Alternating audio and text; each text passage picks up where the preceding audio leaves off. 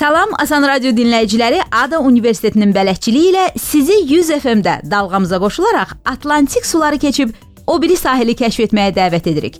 Hər cümə günü bu belə olsa da, bugünkü qonağımız suların o tayından bizi kəşf etməyə gəlib. Ada Universitetinin tələbəsi Alan de Beaufort. Alan Amerikalıdır. Vaşinqtonda yerləşən American University-də beynəlxalq münasibətlər üzrə təhsil alır. Payız semestrini isə təhsil mübadiləsində Bakıda keçirir. Alan, müğənni Stingin məşhur mahnısı Englishman in New York yadıma düşdü. Siz də buna bənzəyirsiniz, elə deyilmi? American in Baku. İstərdim ki, burdakı təcrübələrinizdən danışaq. Bakıda Amerikalı olmaq necə bir hissdir? Ümumiyyətlə məktəb seçimi edərkən niyə məhz Azərbaycan Universitetini seçdiniz? Təhsil mübadiləsi proqramlarını nəzərdən keçirəndə düşündüm ki, Çində olmuşam, Avropada da olmuşam. Bakı coğrafi olaraq düz onların arasındadır. Niyə də bura getməyim? Şəkillərdən çox möhtəşəm görünürdü. Ona görə də Ada Universitetinə mübadiləyə gəlmək qərarını verdim.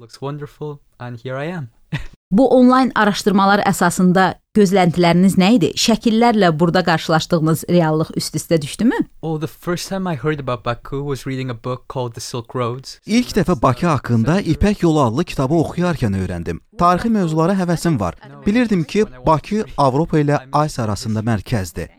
Bura gəldikdən sonra anladım ki, Bakı çox müasir şəhərdir. Şəkillərdə gördüyüm Heydər Əliyev adına beynəlxalq hava limanının müasirliyi kimi digər yerləri də inkişaf edib. Açığı gələndə nə görəcəyimi tam bilmirdim. Amma bir şeydə dərhal əmin oldum ki, burada çox mehriban və qonaqpərvər insanlar yaşayır. Bölgələriniz ayrı bir aləmdir. Mən bu yaxınlarda qaxa getmişdim. Orada Ulubaş dağının zirvəsinə qalxdım inanılmaz mənzərə idi.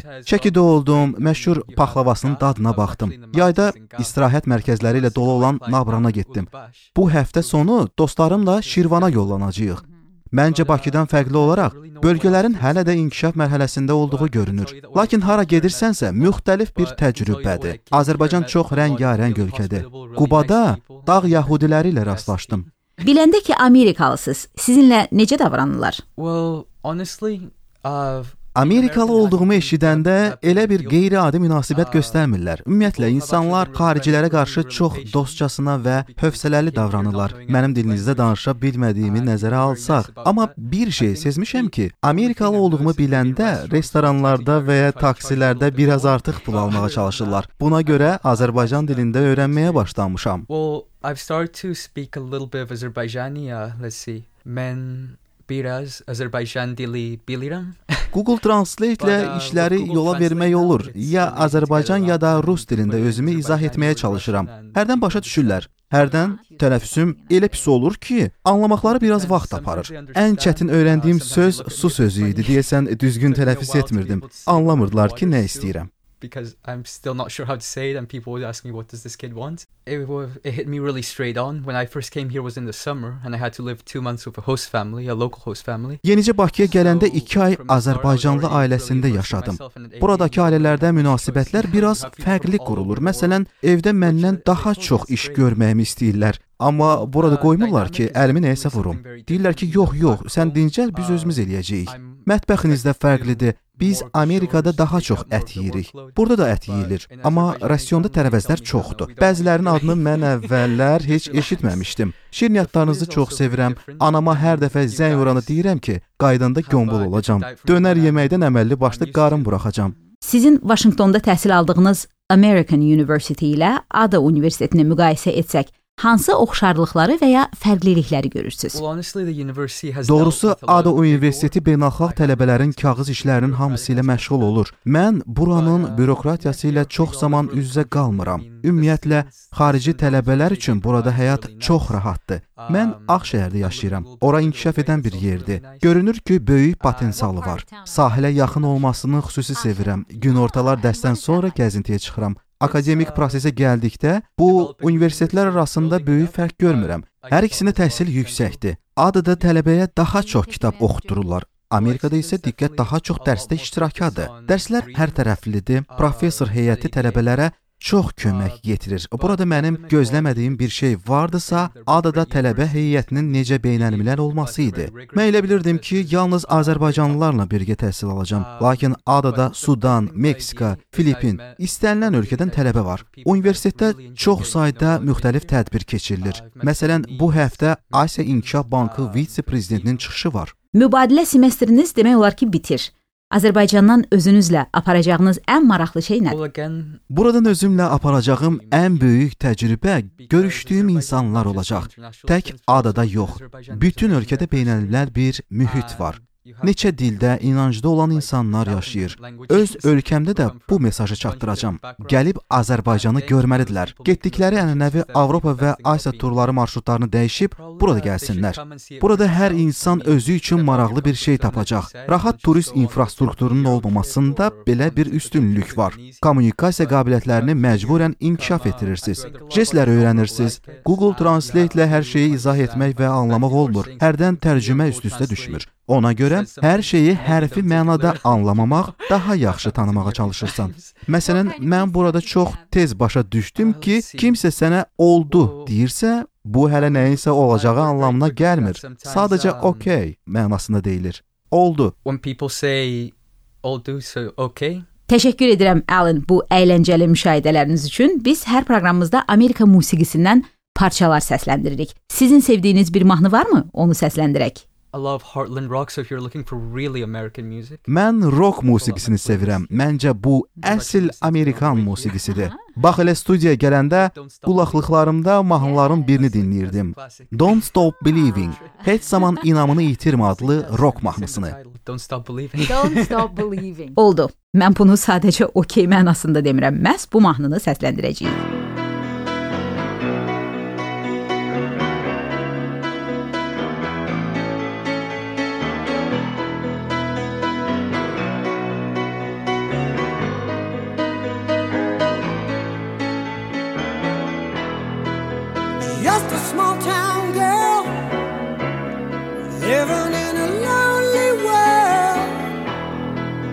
She took the midnight train going anywhere.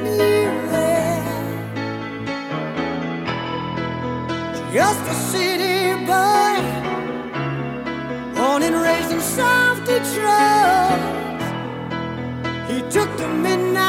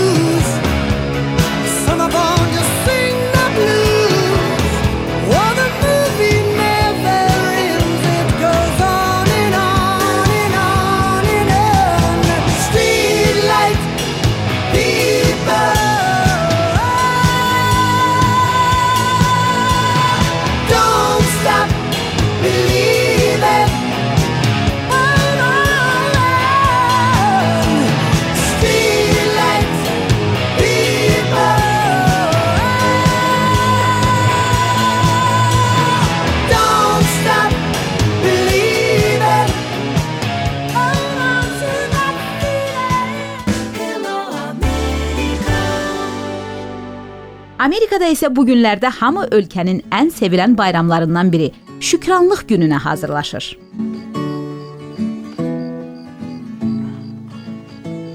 We've come to the time in the season when family and friends gather near to offer a prayer of thanksgiving for blessings we've known through the years. To join hands and thank Bu günü noyabr ayının sonuncu cümə axşamı qeyd edirlər. Şükranlıq gününün 400 illik tarixi var.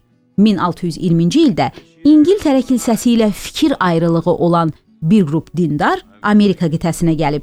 Hazırda Massachusetts ştatının ərazisinə düşən Plymouth adlanan məkanda məskunlaşan Avropalı gəlmələrin əksəriyyəti yeni yerdə sərt qış fəslinə dözməyib aclıqdan və xəstəliklərdən ölürlər. Yazda isə yerli hindular qalanlara yardım kimi torpaqlarını əkib becərməyi, ov ovlamağı öyrədirlər. Növbəti mövsümdə təbiət bol məhsul gətirir. Gəlmələr hindularla birlikdə yığılıb bayram edirlər. O vaxtdan bəri hər payız fəslində Amerikalılar Avropalı əcdadlarını yeni qitədə xilas edən hindulara minnətdarlıq əlaməti olaraq şükranlıq gününü qeyd edirlər. Bayram süfrəsinin mütləq təamları qızardılmış hind toyuğu, quş üzümündən hazırlanan sous, kartof püresi və balqabaq piroqudur. Bu ərzaqlar 400 ildir ki dəyişmir. Bu günün daha bir ənənəsi ailənin bütün üzvlərinin şam yeməyinə toplaşmasıdır. Gənc yaşlarından müstəqil yaşamağı üstün tutan Amerikalılar harda olsalar da şükranlıq günündə bayram süfrəsi arxasında ailələrinə qovuşmalıdılar. Amerikada qeyd etdiyim ilk şükranlıq bayramı yadıma düşür. Bugünkü qonağımız Alan kimi mən də deyəsən özümü Amerikalılara yaxşı izah edə bilməmişdim. Bizdən fərqli olaraq Amerikalı evində sizə təklif edilən içki və yeməyi istədiyiniz təqdirdə birinci dəfədən qəbul edəcəyinizi gözləyirlər. Nəzakət xatirinə bir-iki dəfə imtina edib növbəti təklifi gözləmək adət deyil. Bu qaydadan xəbərsiz olan mən bütün bayram axşamını ac keçirməli oldum. Çünki hər dəfə təklif edilən yeməyə nəzakət xatirinə yox deyəndə daha heç kim təkrarən təklif etmirdi. Axşamın sonuna məsələnin nə yerdə olduğunu anladım. Disertə çatanda dərsimi öyrəndim. Hind toyuğundan dadmasam da Şükranlıq günü süfrəsinin balqabaq piroqundan şükür ki, dada bildim. Biz də sizə əziz dinləyicilər Hello America proqramının daimi dinləyicisi olduğunuz üçün təşəkkür edirik. Gələn cümə günü görüşənədək. Hələlik.